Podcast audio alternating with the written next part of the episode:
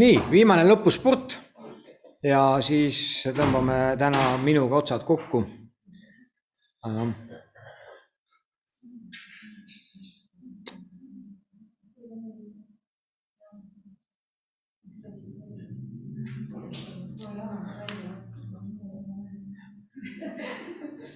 jaa. mõtlen, et kui ei ole nagu koguduse rajajat, siis see, see töö tuleb teha nagu siis fantaseerida põhimõtteliselt.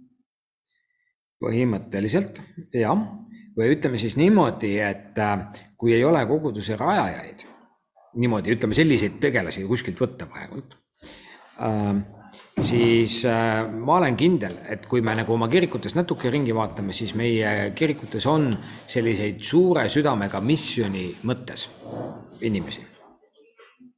Inimesed, kelle süda on missionile ja nad ei ole võib-olla evangelistid selle klassikalises mõttes, kes ise oleks niisugused evangelistid, aga inimesed, kellel nagu on niisugust, kuidas ma siis ütlen, on niisugust nagu haaret ja ma tooksin siin paralleeli ettevõtjatega. ettevõtjad, tihtilugu inimesed, kes on ise alustanud ettevõtteid, on inimesed, kes kõige rohkem sarnanevad apostelikele juhtidele Nendel on struktuursust, süsteemsust, nendel on nägemust ja nendel on võimekust midagi käima panna. Nendel on võimekust midagi käima panna ja selliseid inimesi, kui neid koguduses ühendada, koondada, nendega natukene nõu pidada ja aru pidada, siis ma arvan, et sealt võiks midagi tulla. jah. küsiks, kuna ütleks ka ettevõtjatele siis äh, noh, reeglina on see muidugi suuremas ühiskonnas äh, see kehtib rohkem, et äh, noh, proovisid ühe ettevõtte ja põlusid ja proovi uuesti. et mõtleme, kui me nüüd tuleme nagu Eesti konteksti ja mõtleme nagu koguduste peale, see üks nii-öelda veidikene mööda läinud asi ja enam ei julge eluski midagi teha. et, et kui see on, sest noh, on selge, et kõik kogudused, uued kogudused ei hakka toimima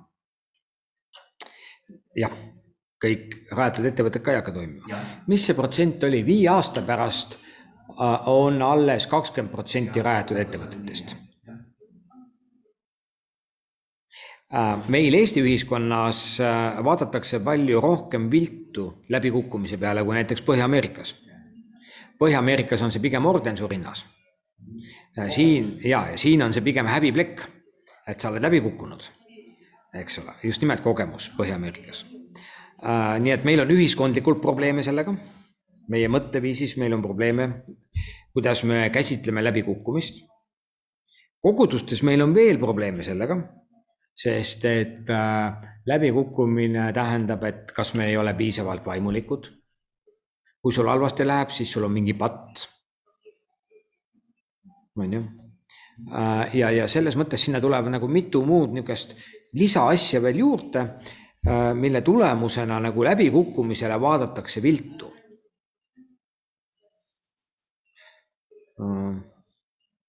See on keeruline jah.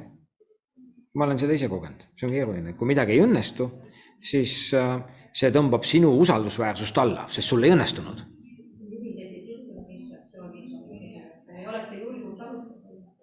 -hmm. ja eriti, kui su ümber on inimesed, kes, kui midagi nagu ei õnnestu, kes siis ümberringi ka ütlevad, et noh, me ennem ütlesime sulle või me, me noh, me ju teadsime, et see nii läheb ja, ja noh, nii edasi, siis.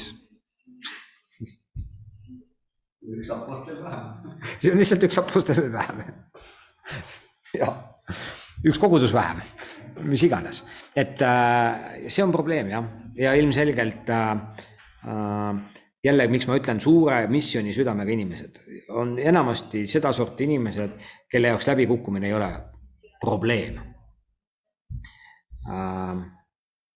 aga noh, ma olen enam kui kindel, igas koguduses on, kasvõi koguduse viimases pinges istub mõni inimene, kes tegelikult on niisugune avar. et neid tuleb ka üles otsida, et kui me räägime siin apostelikest andidest ja teistest andidest, siis me ei räägi ametitest, vaid me räägime andidest ja mõni inimene võib nende ande kanda, ilma et teda oleks üldse keegi märganud ja tunnustanud.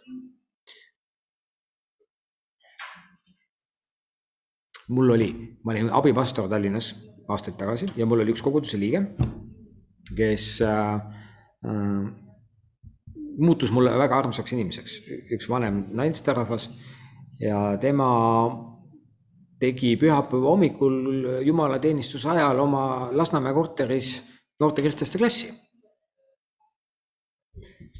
noh, ütleme nii, et klassikaline pastoraalne lähenemine on see, et sa pead koguduses istuma. eks sa pole õige kristlane, sa ei ole kirikus. Mina väga toetasin ja julgustasin teda ja meil oli väga hea läbisaamine ja nüüd ta on surnud. sest et nendele inimestele seal pühapäeva hommik sobis kõige paremini tema naabrid kutsus kokku oma trepikojast erinevad inimesed, nii et tal oli seal valgeid ja kirjuid ja sulelisi.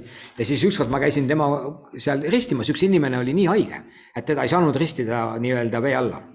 ja see on ainuke ristimine, kus ma olen toimetanud ristimise niimoodi, et kolm peotäit vett kallasin talle pähe. tema korteris. Ta oli väga evangelistlik, ta oli õpetaja, ta oli inimestest hooliv, tal oli karjas andi, ega ta polnud koguduses keegi teadnudki teda peaaegu ja mina hoolitsesin ta eest ja toetasin teda, julgustasin teda ja tal oli eriline koht minu südames. no vot, eks ole, nii et selles mõttes vot niisuguseid, minu meelest niisuguseid inimesi on vaja. ilma niisuguste inimesteta, kes on jäigad, pühapäeva hommik ju kirikus, siis on meil niisugused asjad siin ja mis me teeme, selliste inimestega me ei raja uusi kogudusi. me hoiame alal, mis meil on. Kuigi minu meelest alal hoidmine päeva lõpuks tähendab, et me kaotame ka, mis meil on, nii et ähm, et, et vot ja ma olen täitsa kindel, et niisuguseid inimesi istub meie kirikutes ja igas koguduses tõenäoliselt neid on. Need tuleb üles otsida, neid tuleb toetada, julgustada ja need on inimesed, kes aitavad meid ka edasi. nii et me ei pea vaatama ainult juhtide nii-öelda poole. muidugi me vajame juhtide õnnistust ja nagu heas mõttes koguduse korrale allumist. Selles on ka oma koht, aga selles mõttes ka seal tuleb nagu vaadata, et see asi ei jookseks kinni. nii, ma lähen, hüppan siit praegu üle, meil on nüüd aega natuke üle poole tunni. erinevad koguduse rajamise mudelid, Ed Stetzer on täna elus olev äh, üks tuntumaid ja mõjukamaid missiolooge Põhja-Ameerikas. Ed Stetzer. Kui te tema nime panete internetti, siis te leiate tema kohta igast asju. Äh, aktiivne vend ja tema toob välja siis erinevad koguduse rajamise mudelid Need on küll Põhja-Ameerika, aga meil siit on õppida. esimene koguduse rajamise mudel on kodugrupi mudel. see tähendab seda, et koguduse rajamise meeskond põhimõtteliselt on üks kodugrupp. Ja põhiliselt seda iseloomustab just suhetele rajatud inimestevaheline niisugune suhtlemine. meil äh, üks kogudus, mille me siin rajasime, täna elukogudus Haaberstis Äh, see oli kodugrupi põhine rajamine. seal oli üks meie Toompea koguduse kodugrupp ja mina julgustasin neid ja nendel oli see soov ka ja igatsus. Äh, ja, ja selle tulemusena sellest kasvas välja kogudus, ameeriklased tulid ka veel kõrvale ja nüüd koosmõjus ja koostöös see sündis. nii et äh, kui sul on hea grupp, tugev grupp ja tahab rajada uut kogudust, siis see on üks võimalus selle koguduse rajamise tempo on keskmine. sa ei saa liiga kiiresti minna, äh, aga sa ei lähe ka liiga aeglaselt, sul on mingisugune meeskond olemas. Teine mudel on suurrajamine. suurrajamine tähendab siis seda, et see on programmi keskne rajamine. et põhimõtteliselt äh, sa rajad ühe uue programmi teises linnaosas või teises linnas ja programm ennekõike tähendab siis esmalt jumalateenistust ja teisi erinevaid asju, mida sa siis koguduse juures teed. ja, ja sellest kasvab välja tõenäoliselt niisugune jumalateenistuse keskne uus kogudus, sest kui sa sellega alustad, siis sa sellega tõenäoliselt ka jätkad äh, suur ajamine, see tähendab seda, et äh, emakogudus või mitmed kogudused kokku annavad nagu terve portsu inimesi. ütleme nii, et täiskomplekt inimesi läheb kaasa, kes kõik aitavad sellel uuel kogudusel kohe hakata toimima. Lähevad kohe kaasa muusikud, ülistusjuhid, sõnade näitajad, äh, kiriku abilised, lähevad kaasa erinevad veel igasugused valdkonna töötegijad, niimoodi, et, et see lennatakse suurelt peale. ja see on kiire põhimõtteliselt paneb plakatid linna täis, et meil on uus kogudus siin, jagab flaierid postkastidesse äh, ja, ja kutsud inimesi, et me siin avame uue koguduse, tere tulemast meie kogudusse. see on väga põhja-ameerikalik. Seal niimoodi tehakse. lennatakse peale, nii et kui esimesel pühapäeval sul tuleb juba viissada inimest kokku, siis see pole mingi haruldus. või esimestel pühapäevadel. sest et kõiki informeeritakse, reklaam on tohutult lai, kõik külvatakse informatsiooni täis ja, ja alguses inimesed tulevad vaatama, mis see uus asi on. ja, ja siis kukub mingi osa ära ja siis jääb sul alles mingi grupp, kellega sa hakkad siis edasi liikuma. eks ole, see on see suur ajamine. sellisel Jah. Jah. koolimisel. ja, põhimõtteliselt on ka süsteem olemas. struktuur juba on olemas, kuidas me toimime, võimalik, et see on eelmise koguduse asi, süsteem, DNA tõstetakse siia ja siin hakatakse sellega minema. see on see meeskond, jah. nüüd need on Põhja-Ameerika numbrid, need meie Eesti mõistes on kolmkümmend, kuuskümmend inimest juba meil täitsa tugev kogudus, kes peaaegu suudab oma pastorit üleval pidada Eestis. Ameerika kontekstis noh, keskmine kogudus tegelikult Ameerikas on kaheksakümmend liiget. ja kui kõik ko- kogudused Ameerikas, Põhja-Ameerikas kokku võtta, siis keskmine koguduse suurus on kaheksakümmend inimest.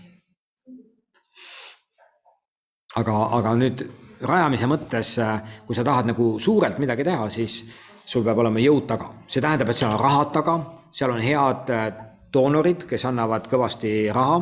Sa rendid ruumi linna parimas äh, saalis või staadionil lausa, teed mingi suure event'i äh, ja sellest sünnib siis kogudus. kolmas rajamise mudel on missionaalne, inkarnatsiooniline see natukene sarnaneb väikegrupile, aga see on natuke teise approach'iga või teise lähenemisega. see missionaalne inkarnatsiooniline tähendab, et mingi grupp inimesi läheb teatud linna või teatud piirkonda ja elab sinna sisse. ostavad omale elamise sinna või rendivad elamise, hakkavad tegema tutvusi kohalikus kogukonnas, hakkavad sõbrustama inimestega, elavad nii-öelda sisse, loovad suhteid ja nende suhete baasilt hakkavad evangeliseerima ja selle baasilt hakkavad siis ehitama nii-öelda midagi. see on aeglane. ja kesksel kohal on suhted. Ja vahest sellise mudeli puhul isegi võib see eesmärk kogudust rajada natuke ähmastuda. sest et nii palju tegeletakse suhetega, inkarnatsiooniline, see tähendab, saadakse osaks sellest kogukonnast, minnakse sinna tööle, võetakse seal ennast palgale, kirjutatakse ennast sinna sisse ähm, igas mõttes nagu saadakse osaks sellest elust. ja see on aeglane. järgmine koguduse rajamise mudel on tütar koguduse rajamine, ingliskeelses keeleruumis campus. see tähendab, et juba olemasolev kogudus rajab uue koguduse, aga ta ei raja uue koguduse selleks, et see oleks iseseisev, vaid ta rajab uue koguduse selleks, et äh, et see uus kogudus äh, jääks nende külge. Ja jääks nende juurde niimoodi, et ta jääb nende tütarkoguduseks, see tähendab, et see juhtkond siin olemasolevas hakkab selles uues ka mõjutama, eks ole. ja põhiline idee selle taga on siis see, et, et tekiks mitmeid uusi kogunemiskohti no ennem oli juttu siin Willow Creekist, nendel oli neid campuseid seal üle Chicago ja ma ei tea, kus veel, üksjagu palju ja see tähendab, et ka kui sellel emakogudusel on nagu hea nimi, niisugune kuulus nimi, siis jah, ja siis rajatakse nii-öelda frantsiis, eks ole, kuhugi mujale ja niimoodi see asi läheb edasi. see protsess, see võib olla erinev ja, ja, ja selles mõttes, kas see nüüd on kiire või aeglane, see nüüd sõltub sellest rajamise meetodist. aga pigem ta kamp, kipub olema ka sellise suure rajamise moodi, et sinna campusesse pannakse kohe üks uus nii-öelda meeskond paika ja see uus meeskond hakkab seal toimetama. nii-öelda valmis olev, olev, valmis olev kogenud meeskond. taasrajamine on järgmine mudel, taasrajamine on siis selline mudel mis tähendab seda, et kuskil mingis kohas olemasolev kogudus enam ei toimi mingil põhjusel. ja selle tulemusena kohalik kogudus otsustabki, et meie asi enam ei toimi. ja toimub nii-öelda taasrajamine. see tähendab, et sinna tulevad sisse kas siis uued juhid või siis olemasolevad juhid lõpetavad selle vana asja ära ja ütlevad, et me enam nii ei taha teha. me tahame teha teistmoodi. Põhja-Ameerikas see ei ole nii suur probleem. meil Eestis, meil Eestis, eriti Euroopa kontekstis, on selline mõtlemine oluliselt keerulisem aga näiteks meie kiriku puhul ma võin öelda, et see näiteks, mis Paldiskis toimus, kus me rajasime koguduse uuesti, tegelikult meil oli seal kogudus ammu. meil oli hoone olemas, aga see kogudus oli põhimõtteliselt tühjaks jooksnud. ja ikkagi ütleme sellises klassikalises mõttes see oli taasrajamine. Ja mõned vanadest olijatest isegi nii-öelda tulid tagasi või, või jäid selle koguduse juurde. jah, jah. aga need vahepealsed aastad, seal oli mõni inimene, kes palvetas jätkuvalt selle asja pärast. aga midagi ei toimunud otseselt. ja viimane mudel siis Ed Stetseri põhjal on koguduse tüli ja lõhenemine, mis tähendab seda, et kogudus läheb lõhki ja üks kogudus nii-öelda pooldub ja, ja üks pool läheb siis ja rajab uue koguduse. seal võib olla siis persoonide kokkupõrge, seal võib olla dogmaatiline või õpetuslik mingisugune tüli või muud põhjused. ja siis minnakse ja tehakse uus kogudus. see on kõige viletsam põhjus. Kui koguduse juhtkond on läinud metsa, ei kuula ja osa kogudusest otsustab lahkuda võimalik, et see on ainukene kõige parem viis äh, sellest jamast nii-öelda välja astuda. aga noh, ilmselgelt selleks, et nüüd tervelt ja terve nahaga nagu ilusasti hakata edasi minema, siis seal on vaja kõrvale nagu abi ja vaadata, et äh, mingid vanad dünaamikad ei tuleks uude kohta kaasa. on see siis pettumus, haiget saamine, mingid muud asjad, et, äh, et see uus algus siis oleks võimalikult eluterve, seda peab nagu vaatama no vot, ja nüüd eks meil siin Eestis äh, äh, selles suhtes äh, on erinevaid kogemusi olnud, vähemalt meil meie kirikus äh,. Aga, aga eks suures plaanis üks või teine nendest ikkagi on ka meie plaanis siis see, kuidas, kuidas seda on tehtud äh,. ma ei tea, tahab keegi kommenteerida, küsida midagi? kas selles kodutöös me siis põhimõtteliselt valime lähtekohana ühe sellest mudelist? jaa, et kas üks mudel on lähtekoht ja ütlete, et aga ei, sellest mudelist me tahaks selle elemendi ka võtta, eks ole. Nii et seda te kindlasti jah, saate kasutada. seda ma ootan. nii äh,, ma pole vahepeal üldse vaadanud, kuidas meie online inimesed seal elavad ma näen seal, Rafael on pannud mingi kommentaari äh,, siis seal on äh,. About what specifically?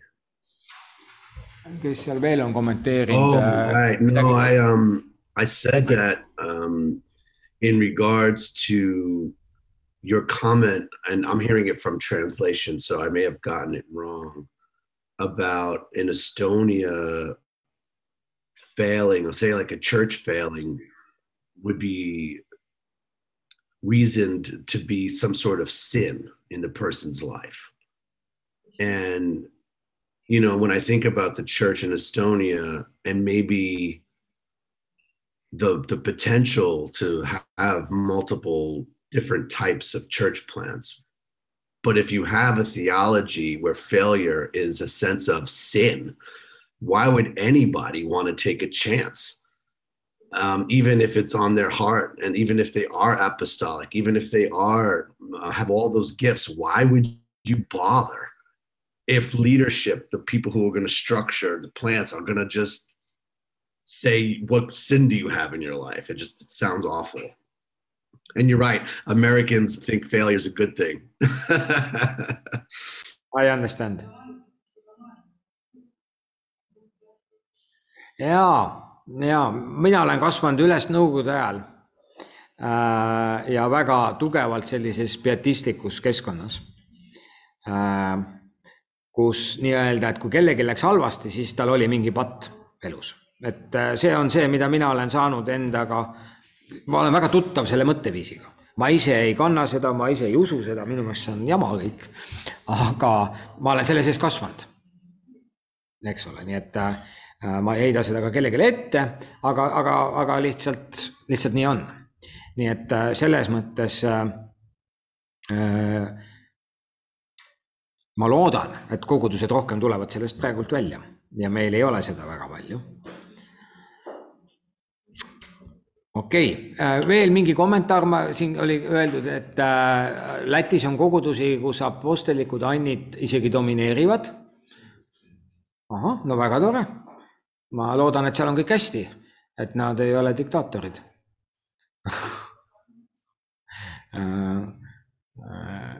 et annid peavad toimima koos, kui need toimivad koos, siis ka nende mõju väheneb, et kui seal on üks apostlik and väga eesotsas, aga teised annid on koos, siis, siis see mõju apostliku anni puhul väheneb ja tegelikult see loob niisuguse terve ja eluterve keskkonna.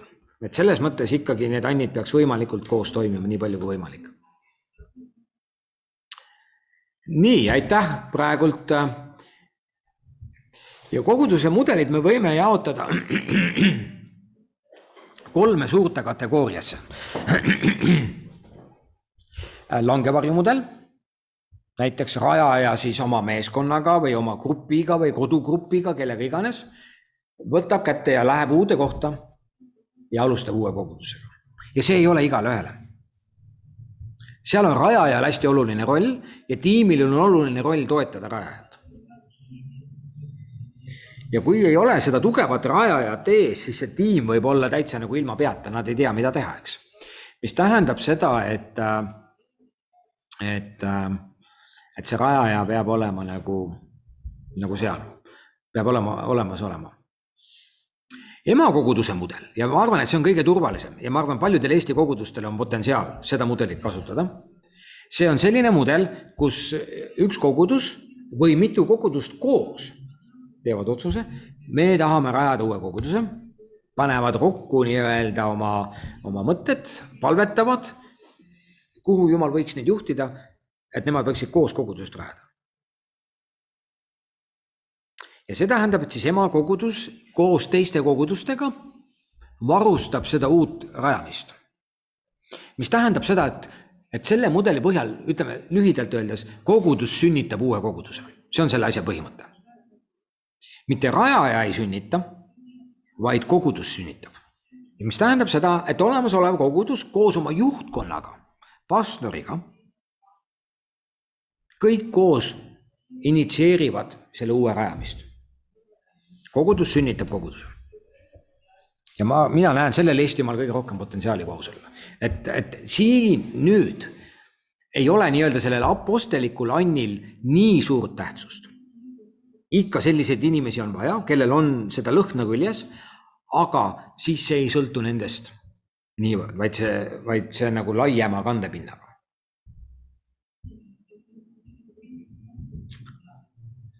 Äh, ma tean äh, kogudusi ja inimesi ja erinevaid kohti maailmas, kus nii-öelda koguduse olemasolev pastor on niisuguse apostelliku onniga, aga ta on pastor ka ja ta ise on oma koguduses ja tema oma koguduses saadab uusi kogudusi välja ja rajab sellega uusi kogudusi ja paneb sinna uued juhid paika. nii-öelda ta on apostlik pastor oma koguduses, ei liigu kuskile, aga sealt sünnitab uusi kogudusi teistesse linnadesse, teistesse linnaosadesse.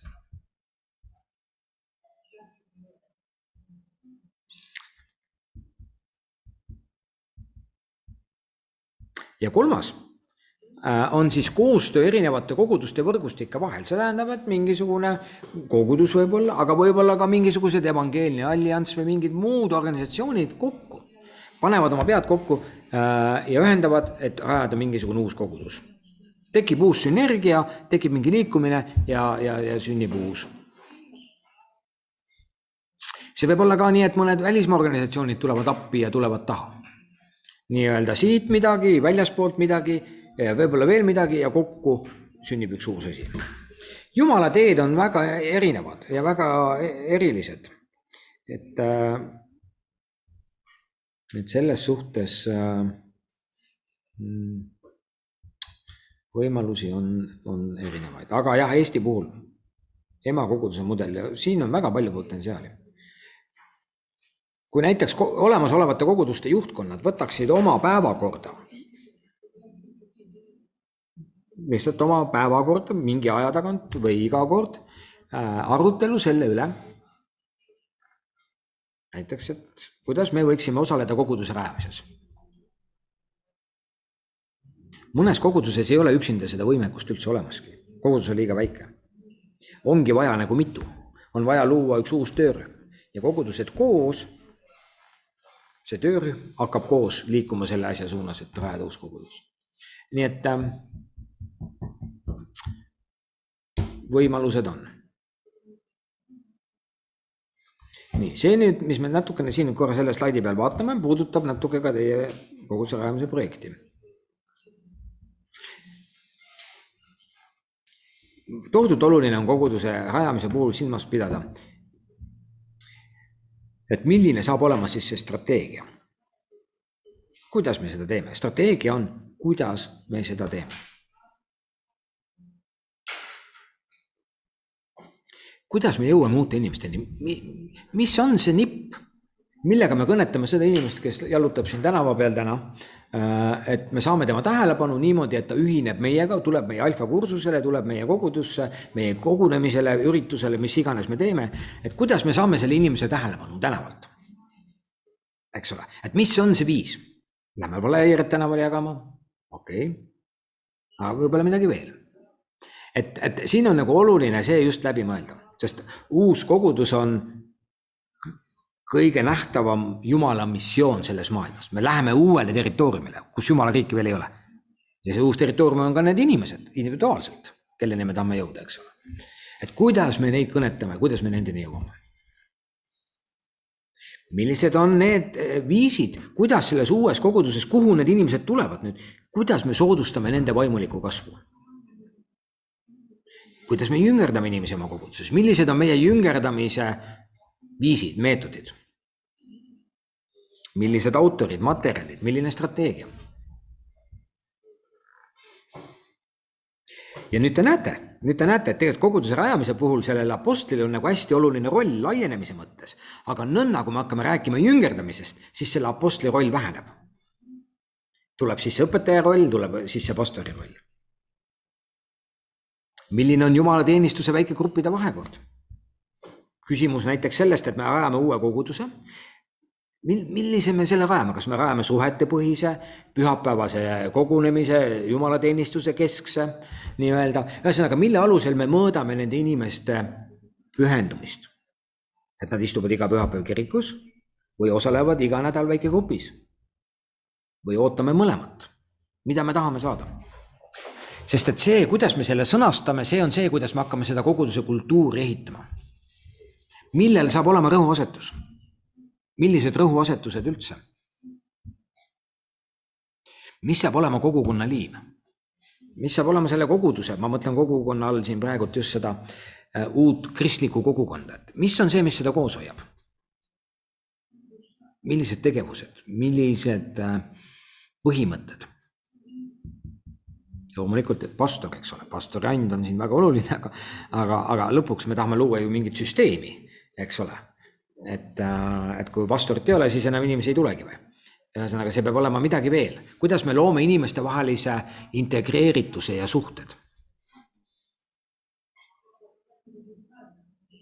kuidas me saame niimoodi, et inimesed hakkavad saama meie uues koguduses sõpradeks, kes ennem ei olnud sõbrad, ei tundnudki üldse üksteist, nüüd hakkavad saama sõpradeks.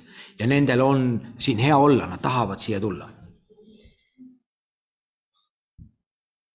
meeskonna värbamise peamised kriteeriumid. see nüüd on, on küll selle alguse puhul, aga eks ole, kui palju liikmeid alguses, mitmega me oleme valmis minema, mitme inimesega. Nii-öelda alustama. kas meil on makstud töötajad või meil on vabatahtlikud, millest need inimesed elavad, kuidas nad oma vajadused katavad, sest iga inimene, kes elab tasakaalust väljas, varem või hiljem hakkab evima ebatervet eluviisi või, või niisugust äh, elustiili ka enda ümber.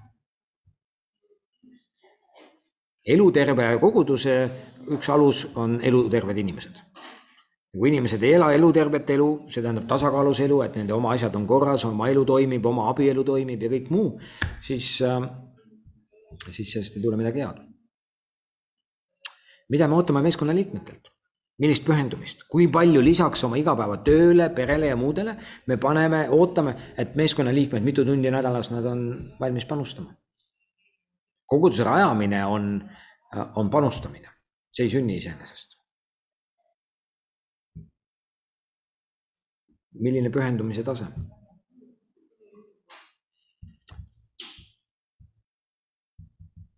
Need asjad tuleks kõik omavahel läbi rääkida. Jah, mul korraks jäi mõte ühe, ühe veidi varasema mõtte juurde kinni, et, et seesama see koguduse strateegia, kuidas neid inimesi hakkame kutsuma mm -hmm. sinna uude kogudusse, siis noh, paratamatult kuklas käib see küsimus, et noh, et, et miks me siis seda täna ei tee, et, miks me juba täna olemasoleva koguduse baasilt seda, seda nagu ei mõtle, et miks noh, ma saan aru, see on nüüd kodutöö ja see, et, et alati tekiks ju esmane see, et paneks nagu kodus asjad korda, et, et, et miks me täna juba olemasoleva koguduse raames ei otsi seda võimalust, kuidas seda inimest kõnetada. et tegelikult selle inimese kõnetamiseks tõenäoliselt ei ole alati vaja just uut kogudust, kui ta ei ole mingi piirkondlikuga seotud, eks noh, see võib ka olla. kuigi jälle Tallinn on nii väike, et tegelikult ei tohiks ju olla see nii määrav see, et noh, et sõidad kakskümmend minutit või kümme minutit mm -hmm.. Noh, ei tohiks olla ju ütleme see määrav, et aga no ju see tuleb kodutöös läbi mõelda. ma arvan, et see on väga asjakohane küsimus, et miks me siis olemasolevates kogudustes seda ei tee piisavalt. mina arvan, et me peaksime tegema. ma arvan, et koguduse juhtkond peaks olema väga teadlik, milline on meie missioonistrateegia.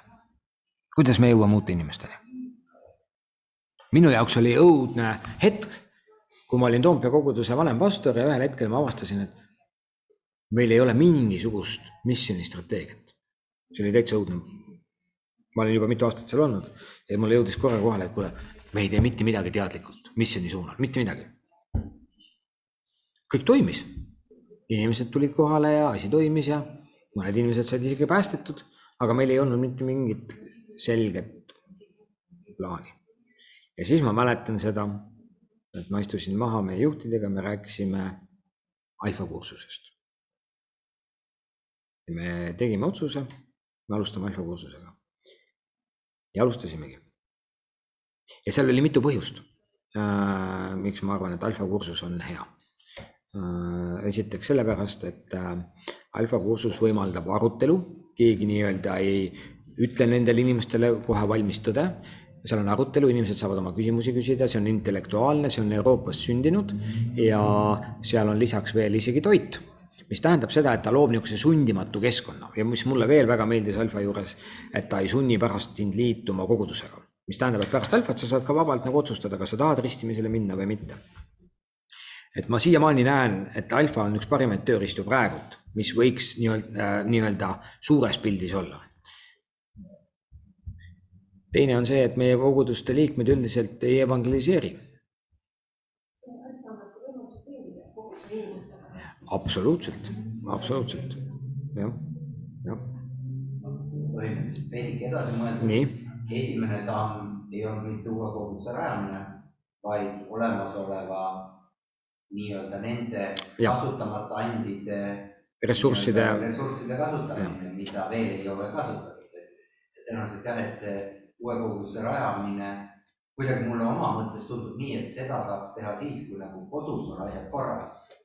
või vähemalt teatud tasemeni korras. ja, et see, kus on juba selline lihtsalt uue rajamine sellepärast, et uus on põnev, mis ka kindlasti on mm,. ma ütleks, et see on oh, väga ja see tundub põnev, aga see on meeletu töö. ja siis ma mäletan, kui me Alfaga alustasime, siis ma rääkisin, ütlesin, et tuleb aeg, kui me võtame alfa ja hakkame seda tegema kuskil hotellides ja teistes kohtades eesmärgiga rajada kogudus ja siis see aeg tuligi. aga see võttis mitu aastat, mitu aastat kohe, nii et meie koguduse rajamise põhitööriist on olnud alfa. me alustame alfat uues kohas.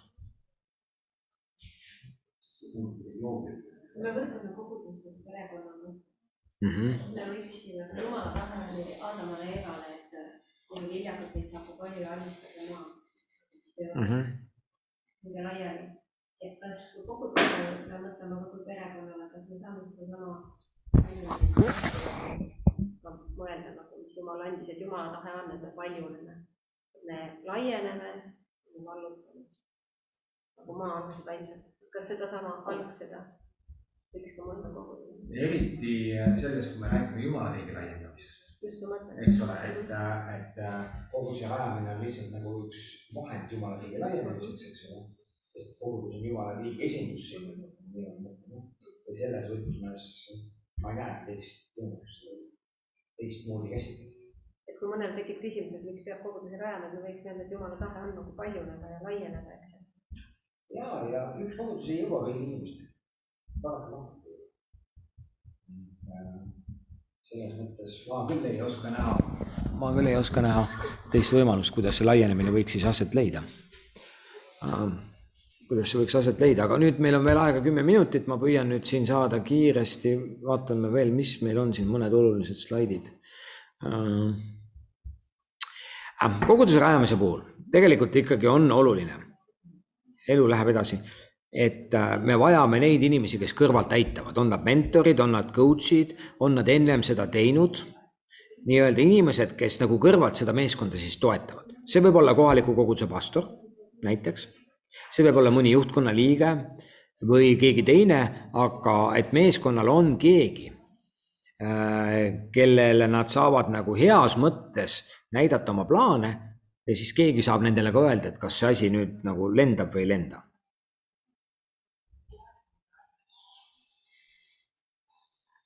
eks ole, et kellele siis ollakse nagu aruandev oma protsessist. loomulikult see võib olla oma denominatsiooni juht või keegi.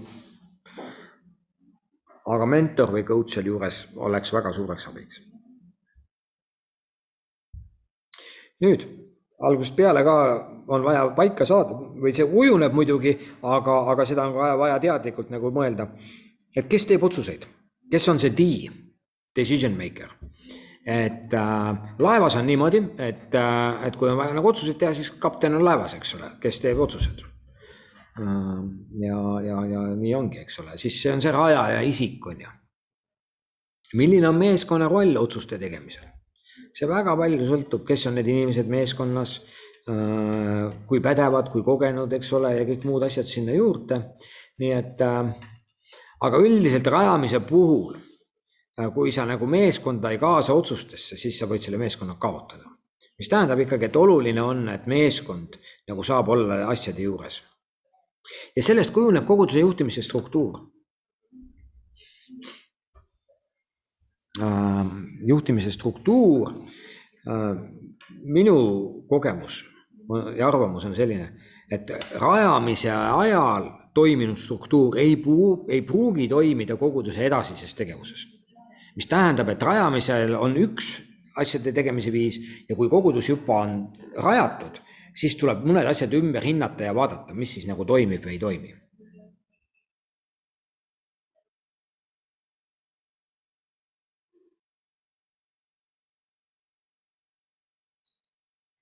rajaja, rajamise puhul ikkagi sellel äh, sellel rajaja ja meeskonna nagu vahelistel äh, nagu dünaamikatel on niisugune käivitav mõju, vaata, nad käivitavad, nad alustavad midagi. järgmiseks, kui kogudus on rajatud, siis mõnes mõttes tuleb seda hakata nagu alal hoidma. ja seal on natuke mõned teised dünaamikad vaja ehk sisse tuua äh,. lühidalt, kuidas meie nelipühi kirikus oleme siis kogudusi rajanud, et siin korrad, kui me siin oleme nüüd rajanud viimased aastad meil on alati, meil on neli sammast, millele kogu asi on rajanenud. esiteks, me oleme otsinud alati üles rajaja. kuskil on keegi isik, kes nii-öelda võtab selle vastutuse selle asja eest. või see on ise välja ilmunud, see nüüd on täitsa sõltunud. tihtilugu mina ikkagi otsisin seda, mõne korral see ilmus ka kuskilt ise välja. nii et see oli natukene erinev. aga, aga keegi, kes võtab selle vastutuse, et mina lähen rajama teiseks sambaks on ressurskogudus. see tähendab seda, et see kogudus, kes võtab nagu nii-öelda selle, selle meeskonna või selle rajaja eest niisuguse vaimuliku ülevaataja vastutuse. tal on siis vastutus olla seal äh, ja toetada seda. ja selle ressurskoguduse all üks asi on vaimulik vastutus, teine on finantsiline toetus. et sellele emakogudusele või ressurskogudusele äh, me tegime nii, et tuli uus arve, me lõime uue arve numbripangas ja hakkasime sinna koguma siis annetusi, kust vähegi võimalik. Ja siis need inimesed, kes meeskonnas juba hakkasid rajama, hakkasid oma kümniseid siia panema, nemad said oma kümnised ka sinna panna ja see raha läks kõik selle uue koguduse heaks. eks ole, nii et ressurskogudusel on kaks rolli, vaimulik roll ja finantsroll. kolmandaks meeskond meil oli sellega probleeme. meil ei olnud üldse alati meeskonda võtta. ja, ja selleks meeskonnaks tegelikult kujunesid meie piiblikooli õpilased. või juhtide kool oli kunagi veel ka, aga, aga ütleme nii, et meie kooli õpilased. Ja, ja mida me tegime, oli siis see, et äh, meil oli siis koht, kuhu me siis läksime, hakkasime kogudust rajama, meil oli rajaja seal. Äh, ja nüüd meeskond tuli siis siit juurde, kes aitas iga nädal alfat teha. nii et me tegime nii, et koolis oli alfa väljaõpe, kooli alustasime kohe kooli õppeaasta esimesed, esimene kuu aega, mitte ainult need loengud, aga alfa õpetus, kuidas alfat läbi viia, kuidas viia grupivestlust läbi äh, ja, ja nii-öelda, kuidas see alfa toimib. õpetasime alfat ja siis saatsime selle meeskonna kohe sinna appi nüüd äh, see meeskond oli ka see, kes läks tänavatele, nii et kui uues kohas hakkas kogudus tekkima, siis me meeskonna saatsime tänavatele, flaiereid jagama, inimestega suhtlema, kutsuma neid alfale. aga see oli meeskond, põhimõtteliselt piiblikool. Võiks panna siia taha. ja kolmas sammas oli alfa kursus.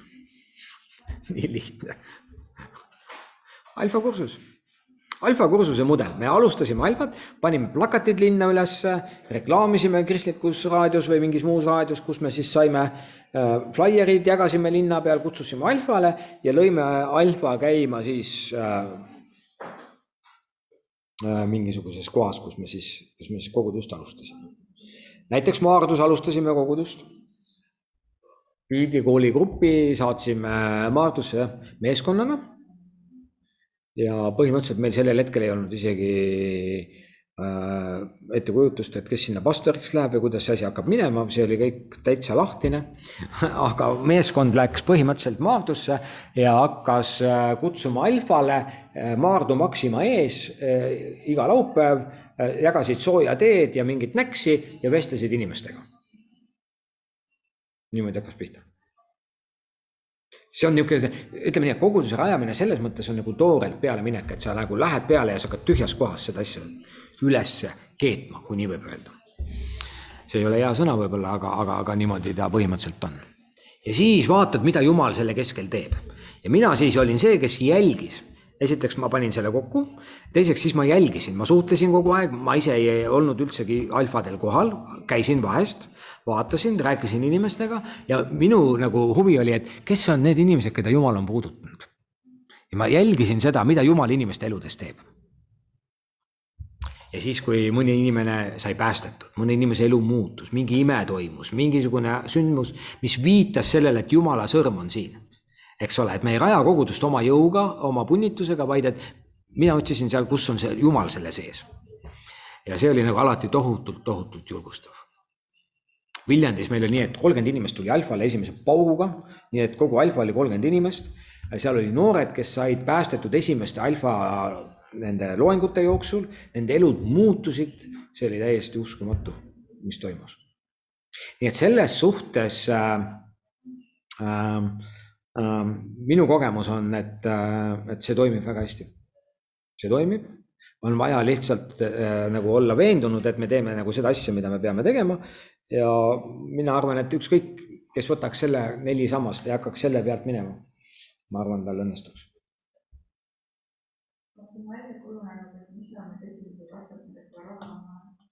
jah, ruumirent ja alfatoit, flaierite trükkimine enam-vähem kõik.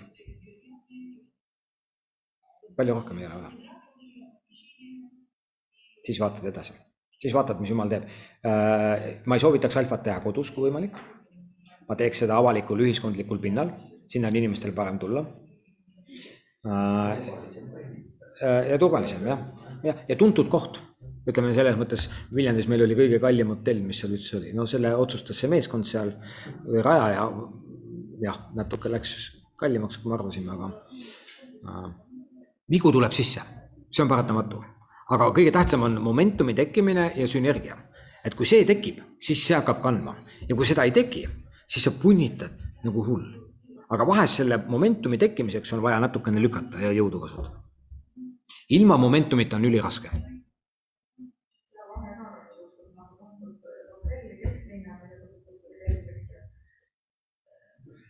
ah, Maardu alfa toimus mingis urkas alguses, see oli jube, see haises, see oli mingi täielik nõukaaegne urgas. tead, ma pean meenutama, aga ma, ma arvan, et sinna äkki tuli kuskil üle kümne inimese. Fookus alfa, mida me alustasime, sinna tuli üks inimene. üks inimene tuli Baieri keldrisse äh, Roosikrantsi tänavale Tallinna linnavalitsuse kõrvale.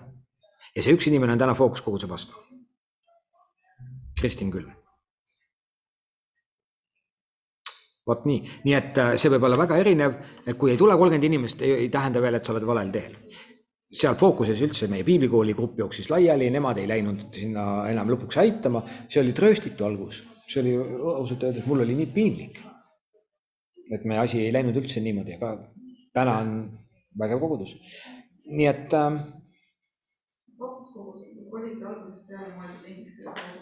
ei, oli mõeldud eesti-inglise mõlemad.